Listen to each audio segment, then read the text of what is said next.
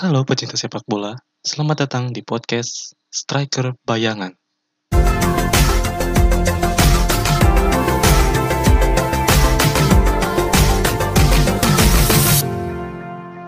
Ya, Assalamualaikum warahmatullahi wabarakatuh. Kembali lagi di podcast Striker Bayangan. Eh, kok masa kembali lagi? Kan ini kan baru episode pertama ya. Jadi, eh, selamat datang di podcast Striker Bayangan. Ini episode pertama. Eh, gue mau ya ngebahas sedikit tentang transfer rumor-rumor pemain lah di episode pertama. Karena kan liga belum mulai ya tim-tim masih melakukan preseason lah buat uh, buat pemanasan untuk uh, liga-liga. Gitulah. Ngomong apa sih gue ah? Kok belepotan gini? Udah langsung aja kita ke transfer berita transfer atau rumor-rumor pemain sepak bola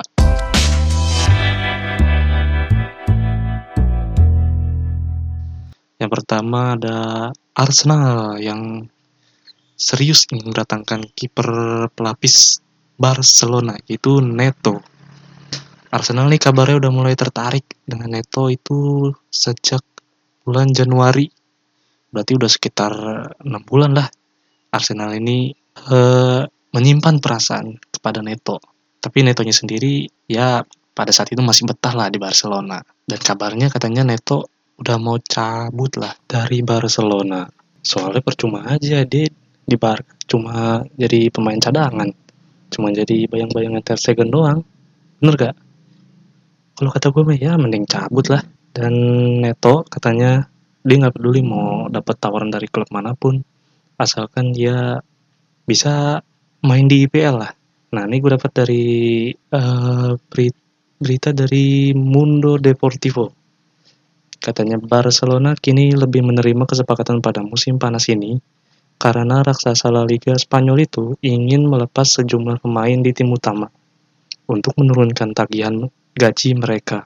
Neto berpeluang dilepas pada musim ini dengan harga sekitar 14 juta euro.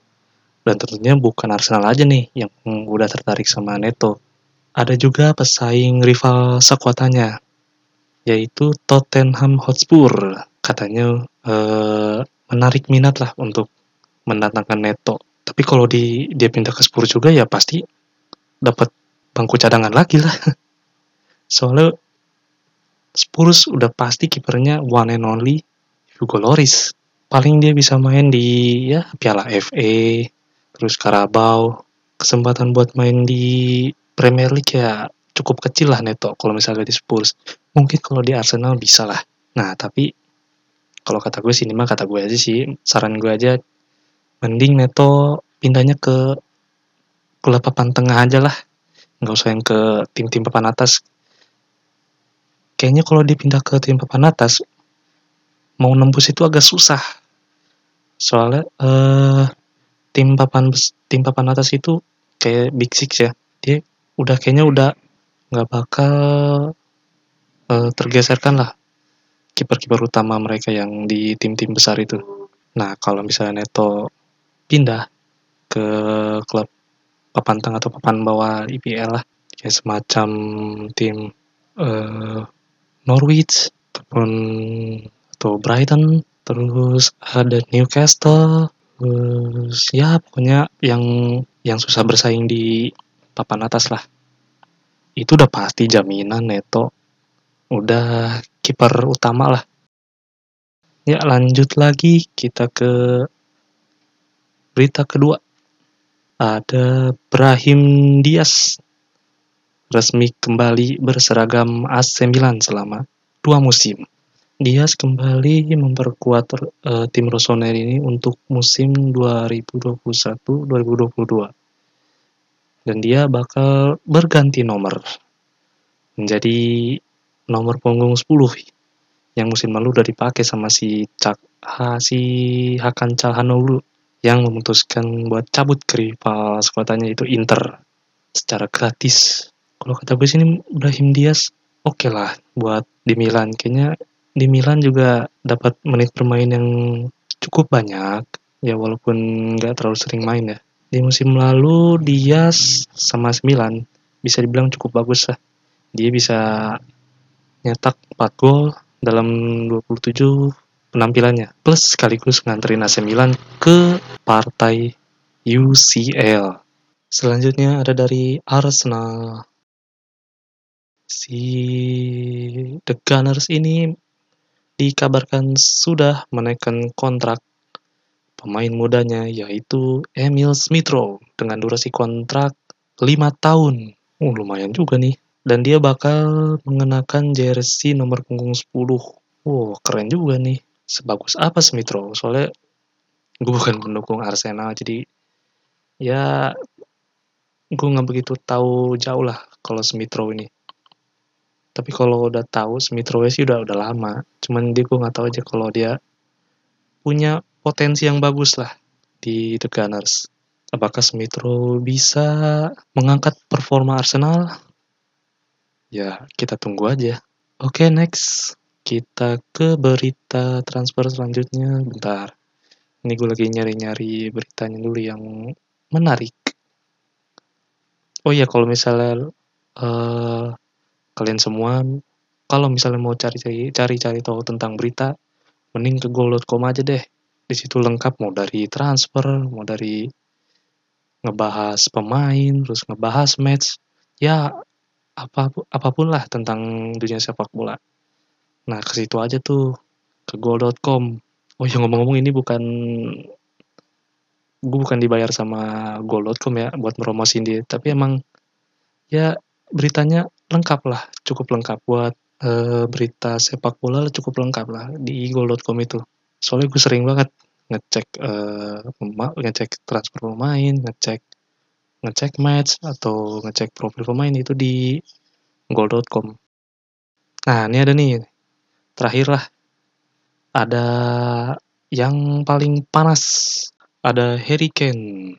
Tottenham Hotspur telah setuju menyerahkan Harry Kane ke Manchester City dengan senilai ini kalau kata gue gila banget sih buat ngebeli ngebeli Kane ini uh gede banget coy kalau kalian tahu ya ini harganya 160 juta pound sterling.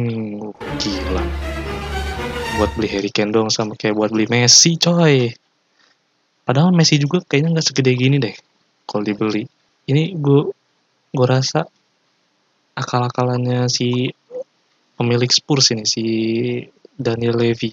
Dia bilang katanya Harry Kane nggak bakal ke mana-mana lah. Harry Kane nggak ini itu ini itu ini itu. Akhirnya ya disodorin duit 160 juta meleleh coy lu lu apa runtuh juga deh tapi kalau kata gue sih buat beli Harry Kane dengan harga segitu ya belum worth it lah buat seorang Harry Kane mendapat angka yang 160 juta pound sterling itu kalau kata gue sih ya paling bantar minimal ya 90 lah 90-an juta itu udah worth it buat Kane soalnya kan Kane juga belum apa-apa di klubnya juga. Dia bisa belum nganterin juara Spurs lah.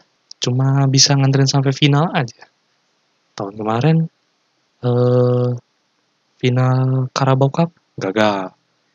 Final UCL juga gagal. Dulu pernah nganterin ke Spurs eh, Spurs posisi 2 EPL gagal juga.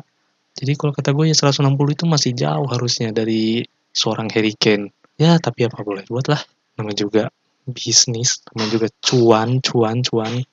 Soalnya City ini ngebet banget dapat Kane. Kenapa ngebet? Karena City ini belum punya seorang goal getter lah di striker utamanya.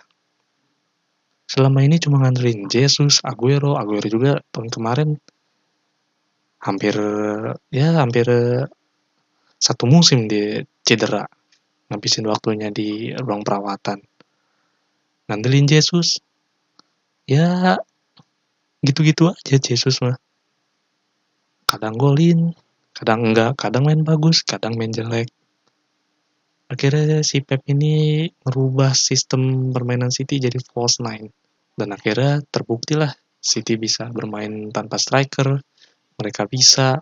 Tapi eh, kalau buat gue sistem false nine ini kayaknya udah banyak udah kebaca lah di City ini. Soalnya kan City ini mulai make sistem nine ini kan dari awal musim, awal musim banget sampai ya sampai juara lah.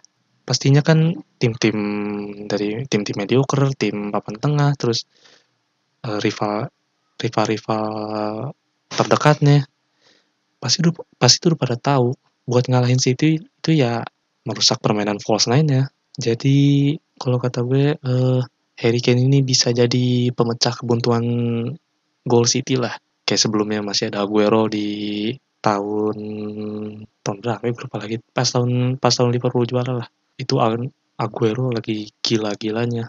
Jadi pas tahun kemarin kehilangan Aguero main tanpa striker ya walaupun jadi juara masih serasa ada yang kurang lah. Yang biasanya City uh, kalau main di IPL tuh paling banyak lah dia untuk suat buat apa ya buat urusan cetak gol City tuh paling gede lah di IPL ya untuk episode pertama ini cukup sekian ngebahas transfer uh, pemain nanti kalau sekiranya ada uh, berita yang super bagus. Nah, nanti gue bakal ceritain lagi deh di episode selanjutnya.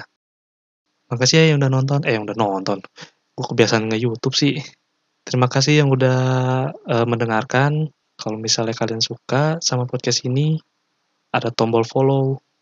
Nah, tuh klik tuh follow supaya kalian bisa dapatkan info episode-episode terbaru lah di podcast Striker Bayangan. Oke, terima kasih yang sudah mendengarkan. Salam olahraga. Wih, eh itu mah jargonnya CTI salam olahraga mah apa ya? Kalau yang belum apa ya? Ya nanti gue pikirin deh jargon yang bagus buat podcast striker bayangan.